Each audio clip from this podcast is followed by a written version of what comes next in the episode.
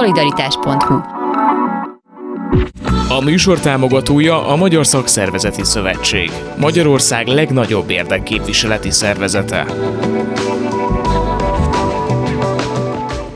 Fiatal szakszervezet is rovatunk tér vissza a nyáron is. Takácsik Zsombora, Magyar Orvosok Szakszervezetének küldöttje van itt velünk, aki orvos, és köszöntöm őt a stúdióban. Szerbusz, ebben a rovatban tegeződni szoktunk. Rendben, köszönöm, jó napot kívánok, szervusz. Ugye hát két dolgot szoktunk itt csinálni. Egyrészt meg szoktam kérdezni azoktól, akik itt vannak, hogy miért szakszervezeti tagok, miért gondolták, hogy ők részt vesznek benne, akár mint csak tagként, akár aktív szereplőként is, meg azt is meg szoktam kérdezni, hogy mit gondolnak arról, hogy mennyire vonzó ez a dolog másoknak, fiataloknak, miért gondoljuk azt sokszor, hogy ez egy ilyen ránk maradt őskövület ez a szakszervezet is, és nem érdemes ezt igazából csinálni, mert úgyis mindegy, úgyse lehet mit elérni vele, de kezdjük a te személyes dolgodnál, hogy hogyan, hogyan kerültél a szakszervezet közelébe, hol hallottad, hol találkoztál ezzel a lehetőséggel egyáltalán, és aztán hogyan jutottál el végül oda, hogy hát be is léptél. A, az igazság az, hogy a, ugye nekünk van egy kötelező hivatásrendi testületünk is orvosoknak, ez a Magyar Orvosi Kamara, itt nem választhatunk a, a kötelező tagnak lenni, aki Magyarországon orvosként akar dolgozni, és ha mennyire tudom, alapítókörletennel fogva a Magyar Orvosi Kamarának vannak érde, érdekvédelmi feladatai is, de ez nem egy valódi érdekvédelmi szervezet, és nem is valódi szakszervezet. Viszont van egy a kamara által alapított szakszervezet, ez a Magyar Orvosok Szakszervezete, és a kamara indított egy kampányt arra, hogy buzdítsa arra a tagjait, hogy lépjenek be ebbe a szakszervezetbe.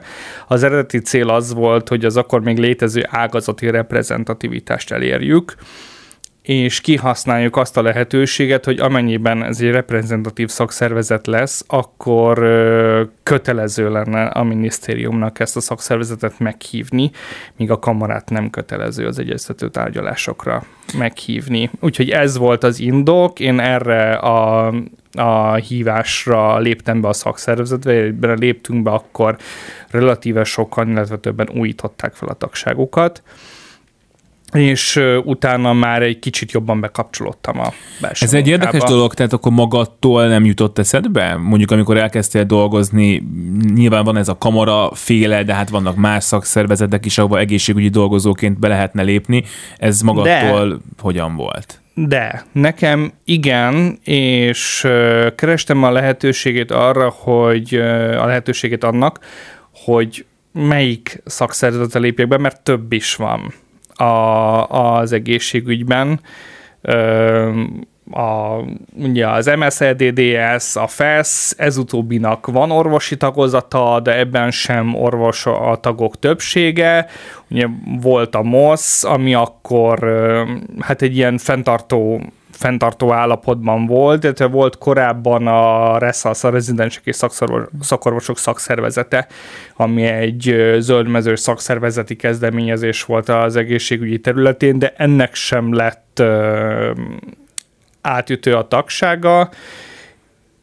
Emiatt döntöttem a MOSZ mellett, egyrészt a kamara felhívásra, másrészt mert azt láttam, hogy ebben, ebben van egy potenciál. A szakszervezetnek az egyik erejét a tagok száma adja, és en, ennél láttam azt a lehetőséget, hogy itt fel lehet mutatni annyi, annyi tagot, hogy, hogy több legyen, mint egy egyesület. Ehhez egyébként kell egyfajta ilyen elégedetlenség a, a rendszerrel, az aktuális helyzettel, hogy az ember mondjuk szakszervezeti tag akarjon lenni, vagy ez egy olyan fajta hozzáállás, hogy hát hogyha egyszer én ebben a szakmában dolgozok, akkor megkeresem azokat, akik az én érdekeimet képviselik, ezt milyen nyilvánvaló és egyértelmű, tehát hogy mik, mik lehetnek itt a motiváció, hogy neked mi volt az igazi motivációd, és azon túl, hogy a kamarának segíteni nem a kamarának akartam segíteni, hanem inkább önmagamnak, meg a szakmámnak, meg a társaimnak. Nekem, nekem van saját motivációm is, és én kedvelem a, ezeket a hagyományosabb, ilyen bolgári társadalomra jellemző szervezeti formákat, mint a egyesületi tagságok, szakszervezeti tagság, tehát hogy én, én, én azt vallom, hogy ezekben az intézményesített hagyomány, ezekben a hagyományos intézményesített egyesületekben van erő és lehetőség. Ma, hogy a, a többség így gondolja, azt egyáltalán, abban egyáltalán nem vagyok biztos. A, az, hogy sokan belépjenek a szakszervezetbe, igen, ahhoz az elégedetlenség az egy nagyon ö, fontos, alapvető, és nem csak az, hogy rossz legyen nekik, hanem az, hogy érzékeljék, hogy rossz. Ez, ez nem, nem jár mindig együtt. Ugye ez még a, a, a részleges orvosbér emelés előtti hú, ö, időszak volt, és akkor ö, akkor a bértárgyalásoknak a nyomatikusítására is ez jó volt. Mondom, a többiek motivációjáról nem minden esetben tudok nyilatkozni, de ekkor beléptünk a szakszervezetbe sokan már aktivitást azt kevesen. Na erről majd beszéljünk, utána. igen, mert ez az aktivitás nyilván, ami még igazán fontos, de hogy amikor te beléptél a szakszervezetbe, ugye hát az, az ember emlékszik arra, hogy nagyjából mikor élet újra a Magyar Orvosok Szakszervezete, az nem volt olyan régen. Nem. Tehát addigra te már biztos, hogy jó pár éve orvosként dolgoztál, és akkor azt kell, hogy gondoljam, hogy azt érezted, hogy ott nem úgy történnek a dolgok, ahogy az rendben van, vagy mondjuk, hogy akár az, hogy neked lehet, hogy lennének ötleteid, amik nem biztos, hogy milliárdokba kerül kerülnének, de mégis jobban tudna működni tőle az egészségügy, bár ilyet lehet, hogy néha sok ember is, aki betegként megy be egy kórházba, érez, hogy lehetne ezt akár könnyebben is jobban csinálni, miközben tudom, hogy nagyon nehéz ezt jól, jól csinálni. Nem is tudom. Hát a szakszervezet az ö, nem fog egészségügyi reformat kidolgozni, és én nem is azért, ö, nem is azért léptem be. Ö, mondom, én nekem ez személyes, hogy én hiszek az önkormányzatiságban úgy globálisan. Tehát, hogy a minden egy kis csoportnak, vagy társadalmi rétegnek, hivatásrendnek a, a, az önkormányzatiságában, és a szakszervezet az szerintem az önkormányzatiságnak egy fontos eszköze ma is. Hogy az ötleteim, hát eredetileg ötletem a szakszervezettel kapcsolatban nem volt, egyetlen egy dolgot szerettem volna, az, hogy a kórházunkban legyen ö, a szakszervezetnek csoportja. Ugye a, minden szakszervezet az csoportokból épül fel, a miénkben úgy van, hogy ö, egészségügyi ellátónként, tehát az mi esetű egyetlen egyszerűbb esetben kórházanként alakul egy csoport, és a, az osztályomról többen is ö, kollégák beleálltunk ebbe a történetbe, és kicsit katalizáltuk is azt a folyamatot, aminek a végén megalakult a mi kórházunkban a, a szakszervezetnek a csoportja, és én ebben vállaltam ö, tisztséget, hogy küldött legyek. Ez egy szakszervezetem belüli tisztség, annyival jár, hogy a szakszervezetnek a küldőgyűléseire nekem el kell mennem, ott a tagságot képviselve szavazok, az elnökségi megbeszélésekre mi megszoktunk, meghívást szoktunk kapni, ott az meghallgatjuk, hozzászólhatunk, tehát ott egy kicsit a, a szakszervezetnek a belső vérkeringésébe bekapcsolódhatunk, és érdekes, hogy a mi esetünkben az események azután pörögtek föl, hogy ez megtörtént, illetve e közben, mert ekkor jártunk 2020 márciusában, amikor, vagy, no, hát ez már 2021 március, a, a is van? Hát az nem. 2020 volt még 2020 a, a, a, a, nagy, a szolgálati jogviszonytörvénynek a bejelentésének az időszakában nem. pörögtek fel ezek az események nagyon, ö, mert akkor ö, akkor még többen léptek be hirtelen a szakszervezetbe, keresték annak a lehetőségét, hogy ö, valamilyen módon próbálják a, az eseményeknek a sodrását abba az irányba állítani, hogy ne abszolút vesztesként kerüljenek ki belőle az orvos kollégák. Ez egy ritka pillanat volt az orvostársadalom érdek életében, amikor hát olyan közös hajóba került szinte mindenki, és itt egy kicsit a, a, az ilyen egymással versengő érdekek azok így mellé, mellékessé váltak azért, hogy hogy anyagilag ne járjanak rosszul. Ugye magyarázatként ugyanez a Ugyanekkor, amikor kijött a szolgálati jogviszonytörvény, egyrészt ugye a vezényelhetőség, az a mai napig benne van a törvényben, bár a végrehajtási rendelet nem említik, de ez a mai napig megvan.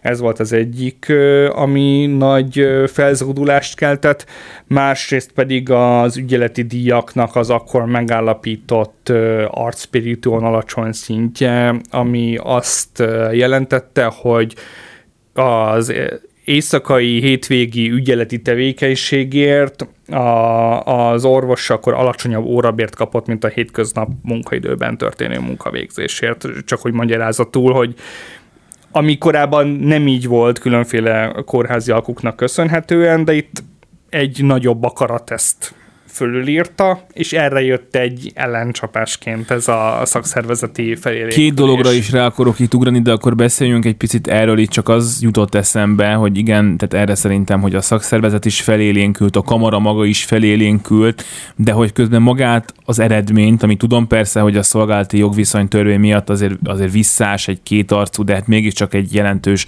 béremelést kaptak az orvosok akkor, amiről azért nagyon sokan azt gondolták, hogy már évekkel ezelőtt egy megoldandó probléma volt, de hogy hát azért külső szemlélőként ez mégiscsak úgy tűnt, hogy nem a, nem a érdekképviseletek együttműködése, hanem a vírus krízis hozta ezt el, tehát hogy a kormánynak muszáj volt valamit lépnie ahhoz, hogy, hogy ne dőljön össze az egészségügy ebben a helyzetben, amikor nem dőlhet össze, tehát hogy ezért lett igazán ez a nagy béremelés, meg talán azért is, mert akkor mindenki az orvosoknak volt hálás.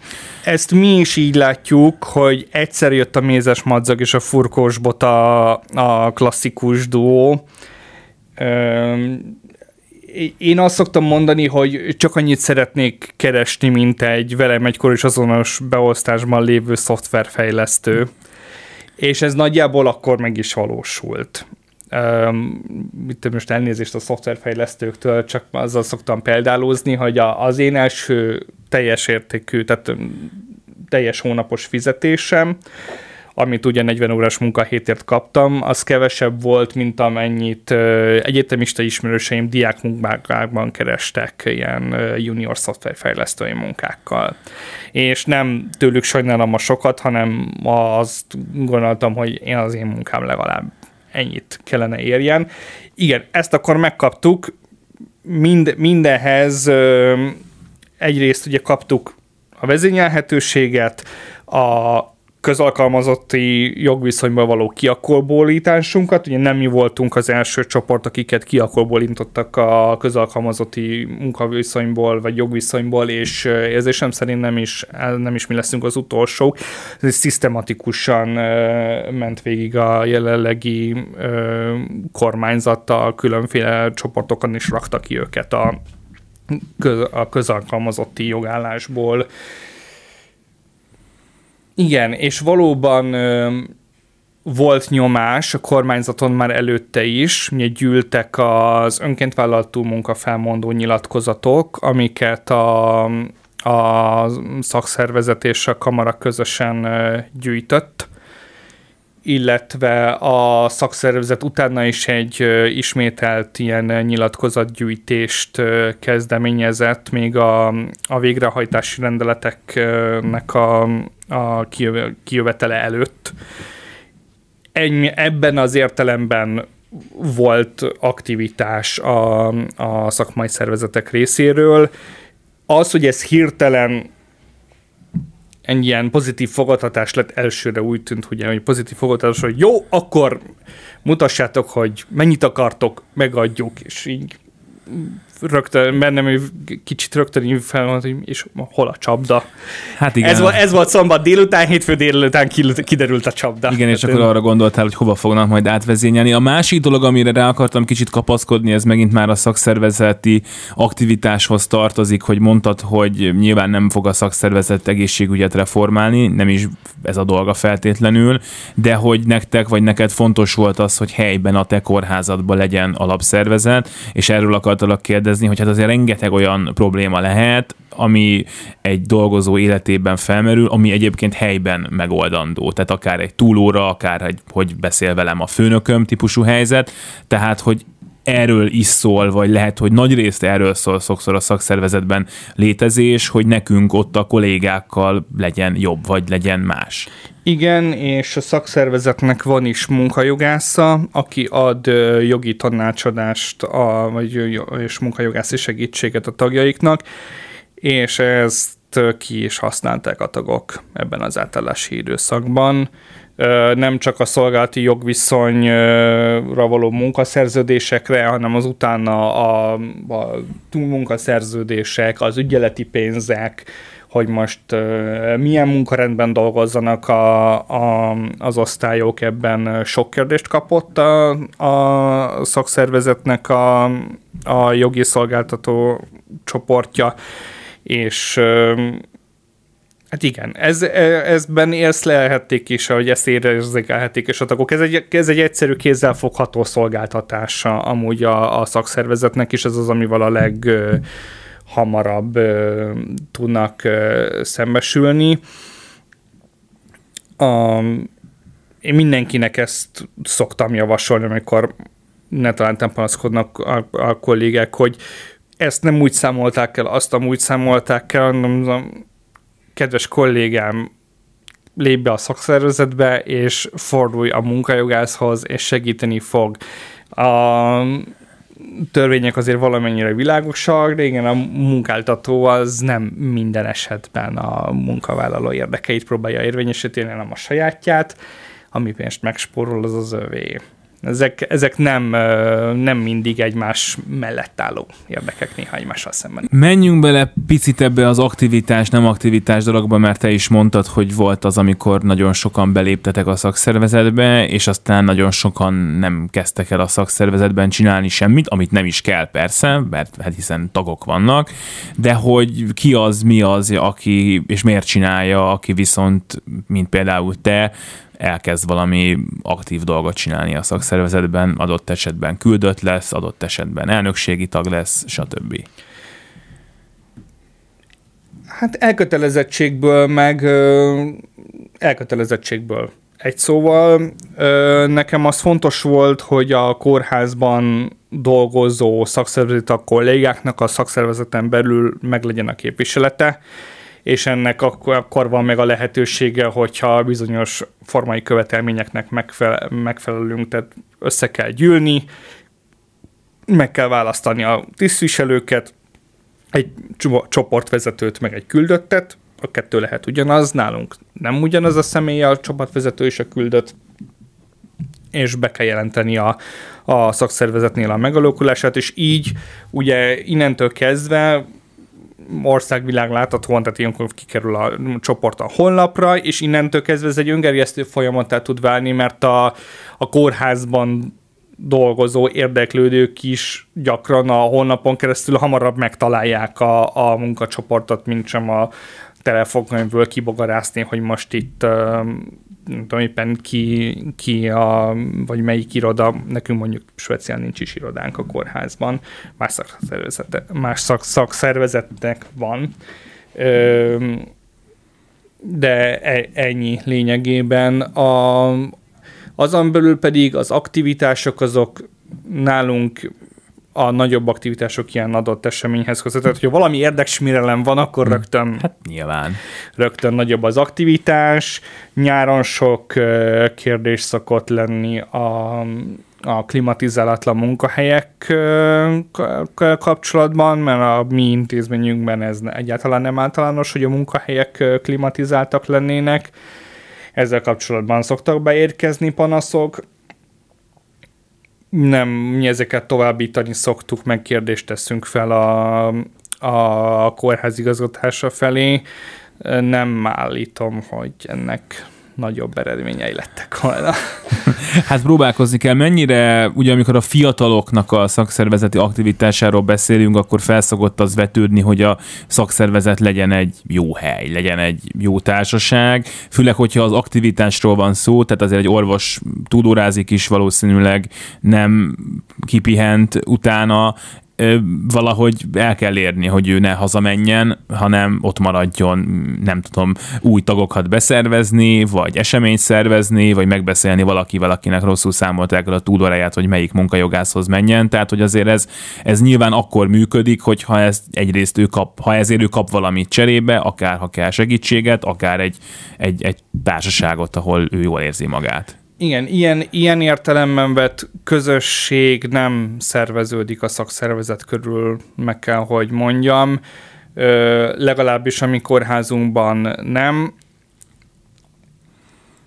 Elkülön kicsit, ugye ez egy, nem, nem egy tömbébletű kórházat, tehát minden kórházban az osztályoknak, minden a kórházi osztálynak van egy kicsit belső magánélete.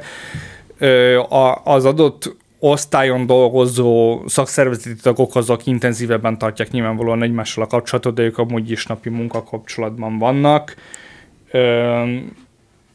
Mi akkor szoktunk össze, tehát a, kötelező tisztségválasztáskor szoktunk összehívni kórházi szintű gyűlés, de ez is elég nehéz, mert kik gondosan kell kiválasztani általában azt a napot, amikor ez munkaidőt vagy rendelési időt nem üt, de nem is lehet nagyon utána túlságosan, mert akkor már vissza kell jönni, vagy sokat kell ott maradni, úgyhogy orvosoknál nehéz az időpont egyeztetés, nem csak azért, mert hát azért is, mert sokat dolgozunk, azért is, mert több telephelyen is dolgozik a, a kórház, nem egyszerű, vagy hát nem, nem sikerült ilyen szintű közösséget építeni, és nem is tudom őszintén, hogy a jelenlegi taglétszámunk ezt fenta, mellett ezt fenntarthatóan meg lehetne csinálni. Én nem próbálkoztam, mert ennél több érkezésem nem volt rá. Látod egyébként az egészségügyi szakszervezetekben, vagy hát akár a tiétekben a jövőt abban az értelemben, hogy ez, ez nagy tud lenni? Hát ezek a lehetőségek a jövő távoli ködébe vésznek, és több stratégiai kérdést is el kell dönteni ezzel kapcsolatban. Jelen pillanatban több egészségügyi szakszervezet is van, ennek vannak előnyei és hátrányai. Én személyesen inkább hátrányát látom. Nekem a szívemnek egy nagy egészségügyi egységes szakszervezeti unió lenne a kívánatos, ahol nincs külön orvos szakszervezet, meg szakdolgozói szakszervezet, hanem egy nagy közös szakszervezet van, és együtt küzdünk az érdekeinként, ugy, érdekeinkért ugyanúgy, ahogy a betegellátást is ebben a team munkában végezzük, ahol megvan mindenkinek a saját felelősségi és beavatkozási köre, de de a, a, a végén az, az eredményt a, a, a csapatmunka adja meg. Én ezt, ezt szeretném, hogy ez megvalósul-e valaha, azt nem tudom. Szervezeti szervezeti akadályokon kéne szerintem felülemelkedni, vagy túllépni mindehez. Önmagában a mi szakszervezetünknek is amennyiben számít, kiszámítanák, vagy létezne ez az ágazati reprezentativitás, a, ha jól tudom, ezt már nem is mérik. Legalábbis a járvány előtt mérték utoljára, és azóta meg nem, és nem is tudom, hogy ezt, vala, ezt meg kell állapítani. A, a, jól emlékszem, volt valamilyen jogszabályváltozás ezzel kapcsolatban. Igen, ez elindult egy folyamat, és aztán megállt, erről és már aztán, beszéltünk ebben a műsorban is, és igen. aztán a, a megállt, már a jelenlegi tagságunk is elég lenne ahhoz, hogy kötelező legyen meghívni minket a tárgyalóasztalhoz. Um, mi ugye jelen pillanatban alapvetően az, or, az orvosok érdekeit szoktu, tudjuk képviselni, mert a tagságunk orvosokból áll, de a, alapvetően szolidárisak vagyunk a szakdolgozói szervezetekkel, és nem rajtunk múlik a, az együttműködési szándék. Hogy mi, a, hogy mi a jövő, hát el kell kezdeni a nulláról nagyjából én nekem az a benyomásom, hogy hogy kicsivel rosszabb helyzetben van a szakszervezeti mozgalom ma Magyarországon, mint amikor elindult a 20. század elején. Részben az elmúlt 80-90 évnek a különböző terheltségei miatt, részben azért, mert atomizálódottabb a társadalom, mint korábban,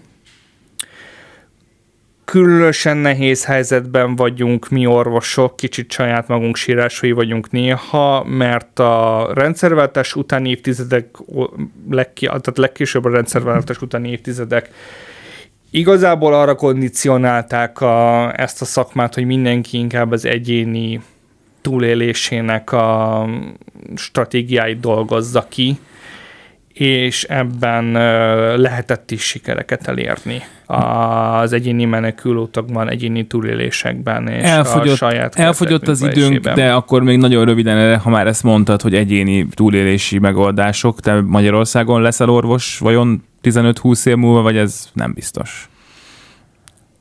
Én elkötelezett vagyok abban az irányban, hogy Magyarországon folytassam a munkámat akkor lehet, hogy még találkozunk majd ebben a műsorban tíz év múlva is. Takácsik Zsombornak, a Magyar Orvosok Szakszervezetének fiatal tagjának és küldöttjének. Köszönöm szépen, hogy itt volt. Köszönöm a lehetőséget. Szolidaritás a telefonnál pedig itt van velünk Oblad Gábor közgazdász. Jó napot kívánok! Jó napot kívánok! És amit megpróbálunk most kideríteni, az az, hogy mennyivel nőhettek az elmúlt, hát körülbelül tíz évben a nemzetgazdasági nettó bérek. Ez a kérdés nagyon hasonlít az egyik portfólió megjelent, hát most már inkább cikk sorozatának első, a, a, első részének címére, és valahol ott szeretném kezdeni a beszélgetést, hogy egyáltalán miért nem tiszta az, miért van az, hogy a különböző gazdasági portálok hasábjain komoly szakértők vitatkoznak azon, hogy a valóságban mennyivel is keresünk többet, mint mondjuk tíz évvel ezelőtt, miért nem egyértelműek ezek a statisztikák, tehát miért, miért kell ezen vitatkozni, miért nem tudjuk megmondani, hogy ennyi százalékkal nőtt mondjuk az átlagbér, és akkor pont itt a megoldás. A bérekről kétféle statisztikai forrás áll rendelkezésre. Az egyik a, az úgynevezett intézményi munkaügyi statisztika, ez a, ez a bérstatisztika, és ez az, ami, hát így, hol, hol ez az elnevezése, hol az az elnevezése, az a, mondjuk, hogy van a bérstatisztika, és ez az a, az adat, amiről havonta tájékoztatást kapunk a KSH-tól.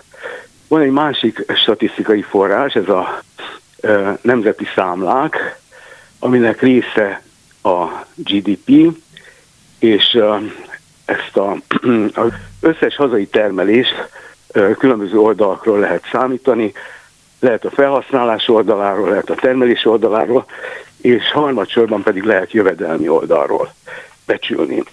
és a jövedelmi oldal összetevői az, a, az egyrészt a bér és kereset, másrészt a profit, és akkor vannak még vegyes jövedelmek. Na most ebből a bér, a nemzeti számlákból származó béradat, az lényegesen kisebb emelkedést jelez, mint a munkaügyi statisztika, aminek csak kis részben az oka az, hogy, hogy más a lefedettség. A, a munkaügyi statisztika az alapvetően, vagy a, mondjuk azt, hogy a bérstatisztika, az ö, alapvetően legalábbis 2019-ig, 2018-ig a teljes munkaidőben öt főnél többet alkalmazó cégeknél dolgozók bérét tartalmazza, és alapvetően azokat a, tehát az, azokon a számokon alapul, amiket a, a, a, a cégek, a munkáltatók jelentenek a statisztikai hivatalnak. A nemzeti számlás adat az elven teljes körű, tehát a, a, a, a nemzetgazdaságban ö, ö, alkalmazottak teljes körét lefedi, és ezen felül ö, becsléseket is tartalmaz, mert ebben ugye a, a, a, a GDP az a gazdaságnak a nem legális részét is le kell, hogy fedje, úgyhogy ebben a béradatban vannak becslések a, a gazdaság nem legális részére vonatkozóan is. Az, hogy a két adat között nagyon nagy a különbség, azt mivel lehet megmagyarázni? Csak hogy érzékeltessem, hogy, hogy mekkora a különbség, hogy a, hogy a bruttó bérekre a, a bérstatisztika az nagyjából dupla akkora emelkedést jelez, mint amit a nemzeti számlák jelez. Na most a egyik, igen, ahogy a kérdésre válaszoljak, az egyik lehetséges magyarázat az az, hogy a, amint ö, említettem, hogy, hogy, hogy eltér a lefedettség, tehát elvben abból is adódhatna, hogy, hogy a öt főnél kevesebbet foglalkoztatóknál és a nem teljes munkaidőben dolgozóknál ö, ö, ö, másképpen alakultak a bérek, de, de akkor a, különbség, hogy ezt ezzel a tényezővel nem lehet rendesen megmagyarázni. Úgyhogy a, a KSA statisztikusai azzal a magyarázattal álltak elő, ezt a portfolio.hu portálon fejtették ki, nem teljesen meggyőző módon, de, de nyilván van benne valami, hogy és ez pedig az, hogy a, a bérstatisztika, a intézményi munkahogyi statisztika ö, ö, ö, jelentős ö, fehéredési hatást tartalmaz. Tehát ö, a, a 2010-es években különböző intézkedések hatására a minimálbéremelések, adóellenőrzés szigorítása, nem tudom, a pénztárgépek bekötése a, a adóhivatalhoz és számos további lépés arra vezethetett, hogy a korábban zsebbe fizetett béreknek egyre nagyobb része került bele a hivatalos adatokba, és ugye ez, ez nem egy valóságos emelkedés, mert csak egyszerűen átrendeződés a, a, a fürke, vagy a ö, nem legális és a legális gazdaság között, és ha a nemzeti számlákat összeállító statisztikusok jól végezték el a feladatukat, akkor ebben ez a fehéredés nem szabad, hogy megjelenjen a nemzeti számlás adatokban, mert hiszen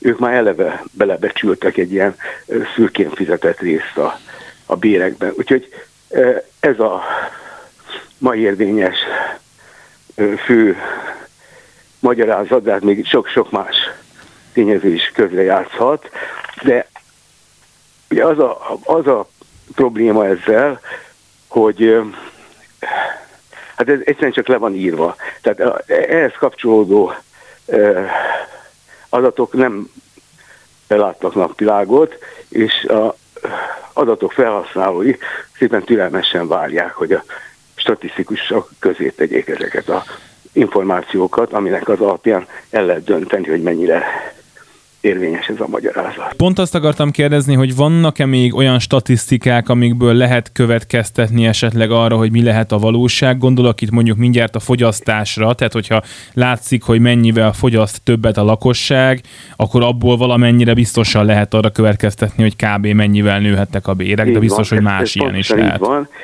Tehát részben a fogyasztás alapján, de ami, ami szerintem még sokkal fontosabb, és ez szerintem teljesen egyértelműen eldönti a, a két statisztikai közötti választás kérdését, az a, a termelékenységnek az alakulása. Hogyha ugye Magyarországon ugye a 2010-es évek végén egy picit felgyorsult a, a termelékenység növekedése, de az évtized egészében minimális volt, és mindjárt évi 1%-kal nőtt a, a termelékenység, amit a GDP per foglalkoztatott. Tehát a reál GDP volumenének az egy foglalkoztatottra jutó változásával mérve évi átlagban 1% volt a termelékenység növekedés. Most ezzel nagyjából összhangban a nemzeti számlásadat, az is ö, hozzávetőleg ö, ekkora évi átlagos reál keresett növekedést mutat, és ehhez képest viszont elképesztően gyors a, a, a bérstatisztika szerinti ö, ö, ö, reál béremelkedés, ami azért lehetetlen, ezt megpróbáltam a cikkben, tehát a, a, az a probléma ezzel, a, ezzel az összehasonlítással, hogyha, hogyha a termelékenység úgy emelkedett, ahogyan, a bérek meg úgy emelkedtek volna, ahogy azt a, a, a munkaügyi statisztika jelzi, akkor az azt jelentette volna, hogy óriási emelkedés történt volna termékenységre jutó bérköltségben, ami egyrészt a, az inflációra fejtett volna ki nagyon erős nyomást, amit nem láttunk a 2000, legalábbis a 2010-es évek végéig nem volt számottevő béroldali inflációs nyomás a Magyarországon, vagy pedig a profitoknak kellett volna nagyon jelentősen csökkenniük, de ezt sem látjuk az adatokban. Úgyhogy ez a két körülmény erősen amellett szól, hogy a nemzeti számlás béradatot fogadjuk el hitelesnek, ami azt jelenti, hogy, hogy messze nem volt akkora reálbéremelkedés a 2010-es években, mint ahogy ezt a ez a bérstatisztika jelzi. Tehát ez azt is jelenti, hogy amit föl szoktak vetni közgazdászok, hogy ilyen termelékenység növekedés mellett egyszerűen az a bérnövekedés, ami volt, az nem tartható sokáig, az abból a szempontból egy téves felvetés, hogy nem is volt ekkora béremelkedés igazából?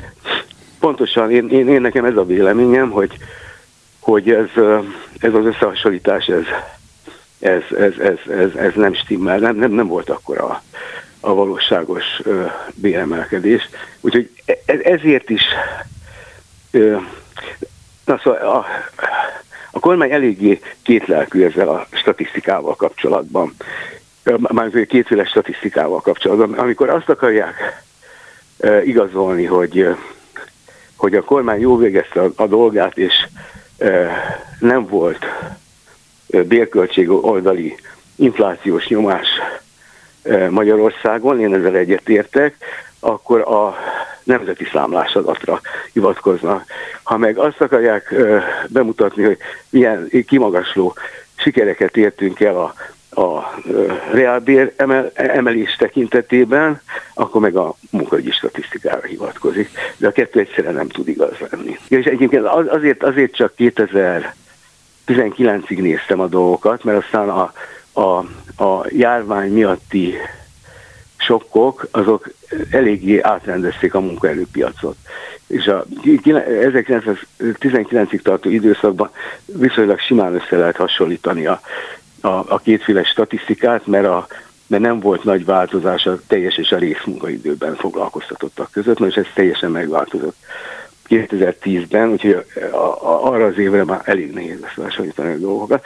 Na, a, a, a, a, egy, foglal, egy foglalkoztatóra jutó GDP ebben az évtizedben, tehát 2019-ig 9%-kal nőtt, a bruttó eh, reálbér a nemzeti számlák szerint durván 20%-kal nőtt, és a munkahogyi statisztika szerint ennek duplá, hozzávetőleg ennek a duplája volt, tehát ennek a kétszerese volt, 40% fölötti volt a, a növekedés, ami azért óriási különbség, és azt is hozzáteszem, hogy ezt össze lehet nemzetközileg hasonlítani, mert, mert az Eurostatban minden országra vannak adatok a nemzeti számlás bérek bérstatisztika alapján, és a, hát ez a munkahogyi statisztika alapján, ez a, ugye, amit úgy hívnak, hogy earnings, tehát kereseti statisztika, és nincs, nincs Európában még egy ország, ahol akkora eltérés lett volna a kétféle statisztika által jelzett növekedés között, mint Magyarországon. Úgyhogy ez is arra mutat, hogy, hogy itt valami bibi van, és a cikkemben azt próbáltam,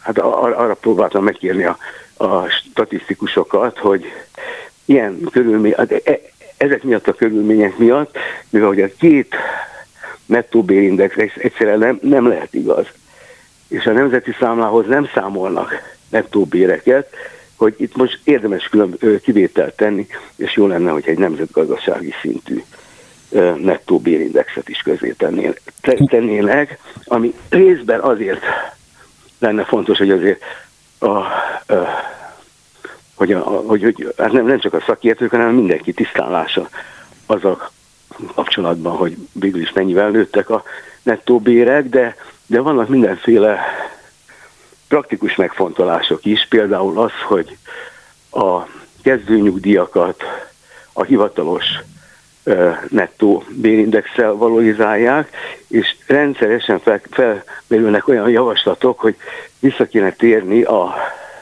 az úgynevezett svájci indexálásra, a nyugdíjak, a már meglévő nyugdíjak svájci indexálására, ami úgy néz ki, hogy a, hogy a fogyasztói árindexek és a, és a és a nettó kereseti indexnek valamilyen átlagát ö, ö, vennék, ami nem, tehát nem ördögtől való gondolat, de addig, amíg nincs egy megbízható, hiteles nemzetgazdasági nettó bérindex, addig nagyon veszélyesnek tartom az ötletet amikor kijönnek azok a már említett havi adatok, hogy mennyi a bruttó átlagkereset, és akkor már mindig el szoktuk mondani, hogy hát azért ez mindahogy azt ön is említette, ütfőnél nagyobb cégek, teljes Igen. állásba lévők, a mediánt jobb figyelembe venni, mert az Igen. jobban elmondja. Tehát, hogy azt akarom ezzel kérdezni, hogy abból, amit ön mond, azért az következik, hogy talán még kevésbé volna érdemes azokat a számokat komolyan venni, hiszen abban az a béremelkedés van benne, amire ön azt azt mondja, hogy más statisztikák szerint az nem nagyon lehetett annyi. Akkor, akkor most szeretném pontosítani a dolgokat. Visszatérve erre a fehéredési kérdésre. Igen. Ezeknek, tehát az, az azt mondtam, hogy mindenféle intézkedéseket hoztak, aminek a hatására ez a fehéredés felgyorsult, vagy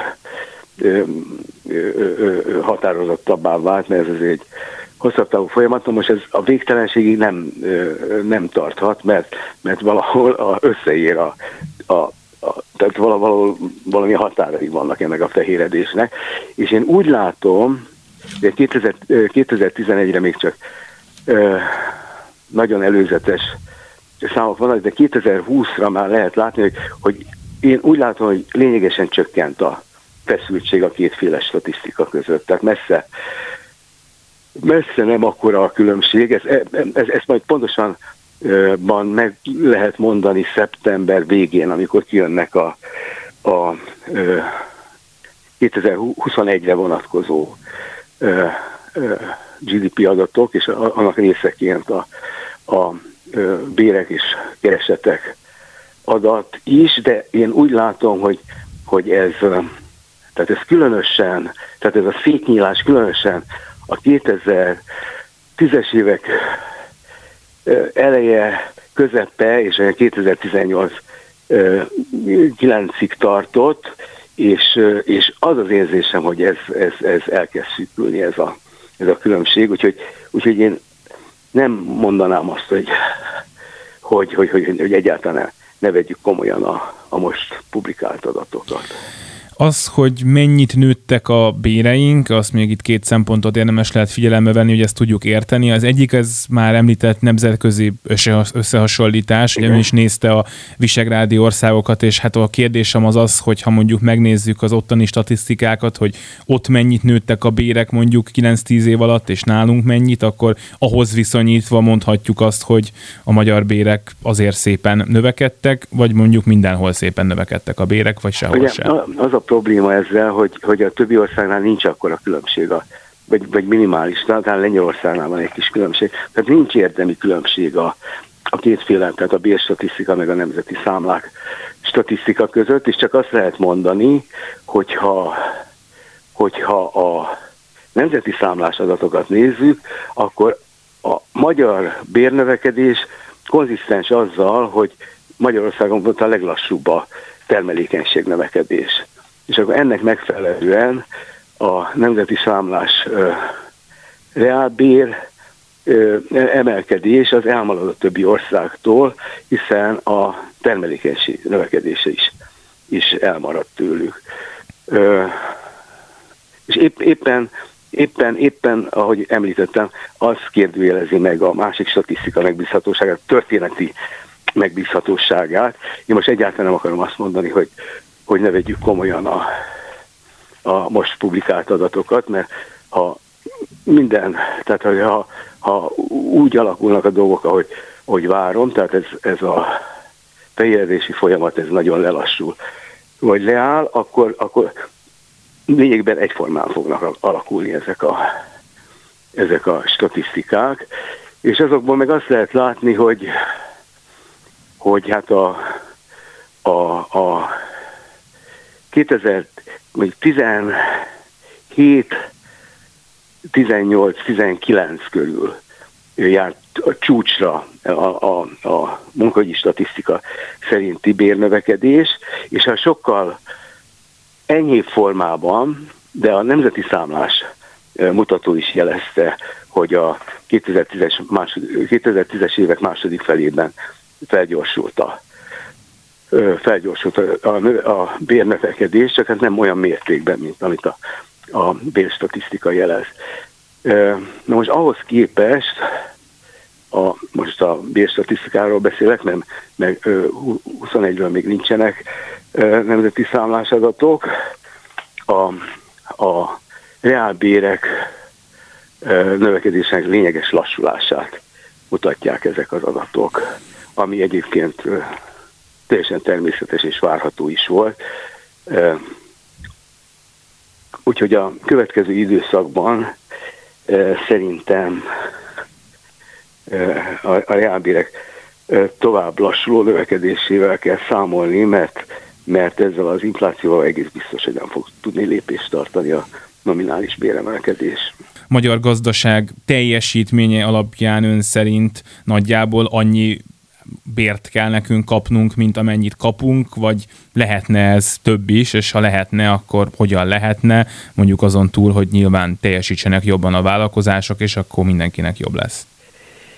Hát lehet valami nagyon általános választ adni, de azt hiszem, hogy, hogy most, most elég, tehát most éppen ebben az évben eléggé sajátos a helyzet a nagy külkereskedelmi árveszteség miatt.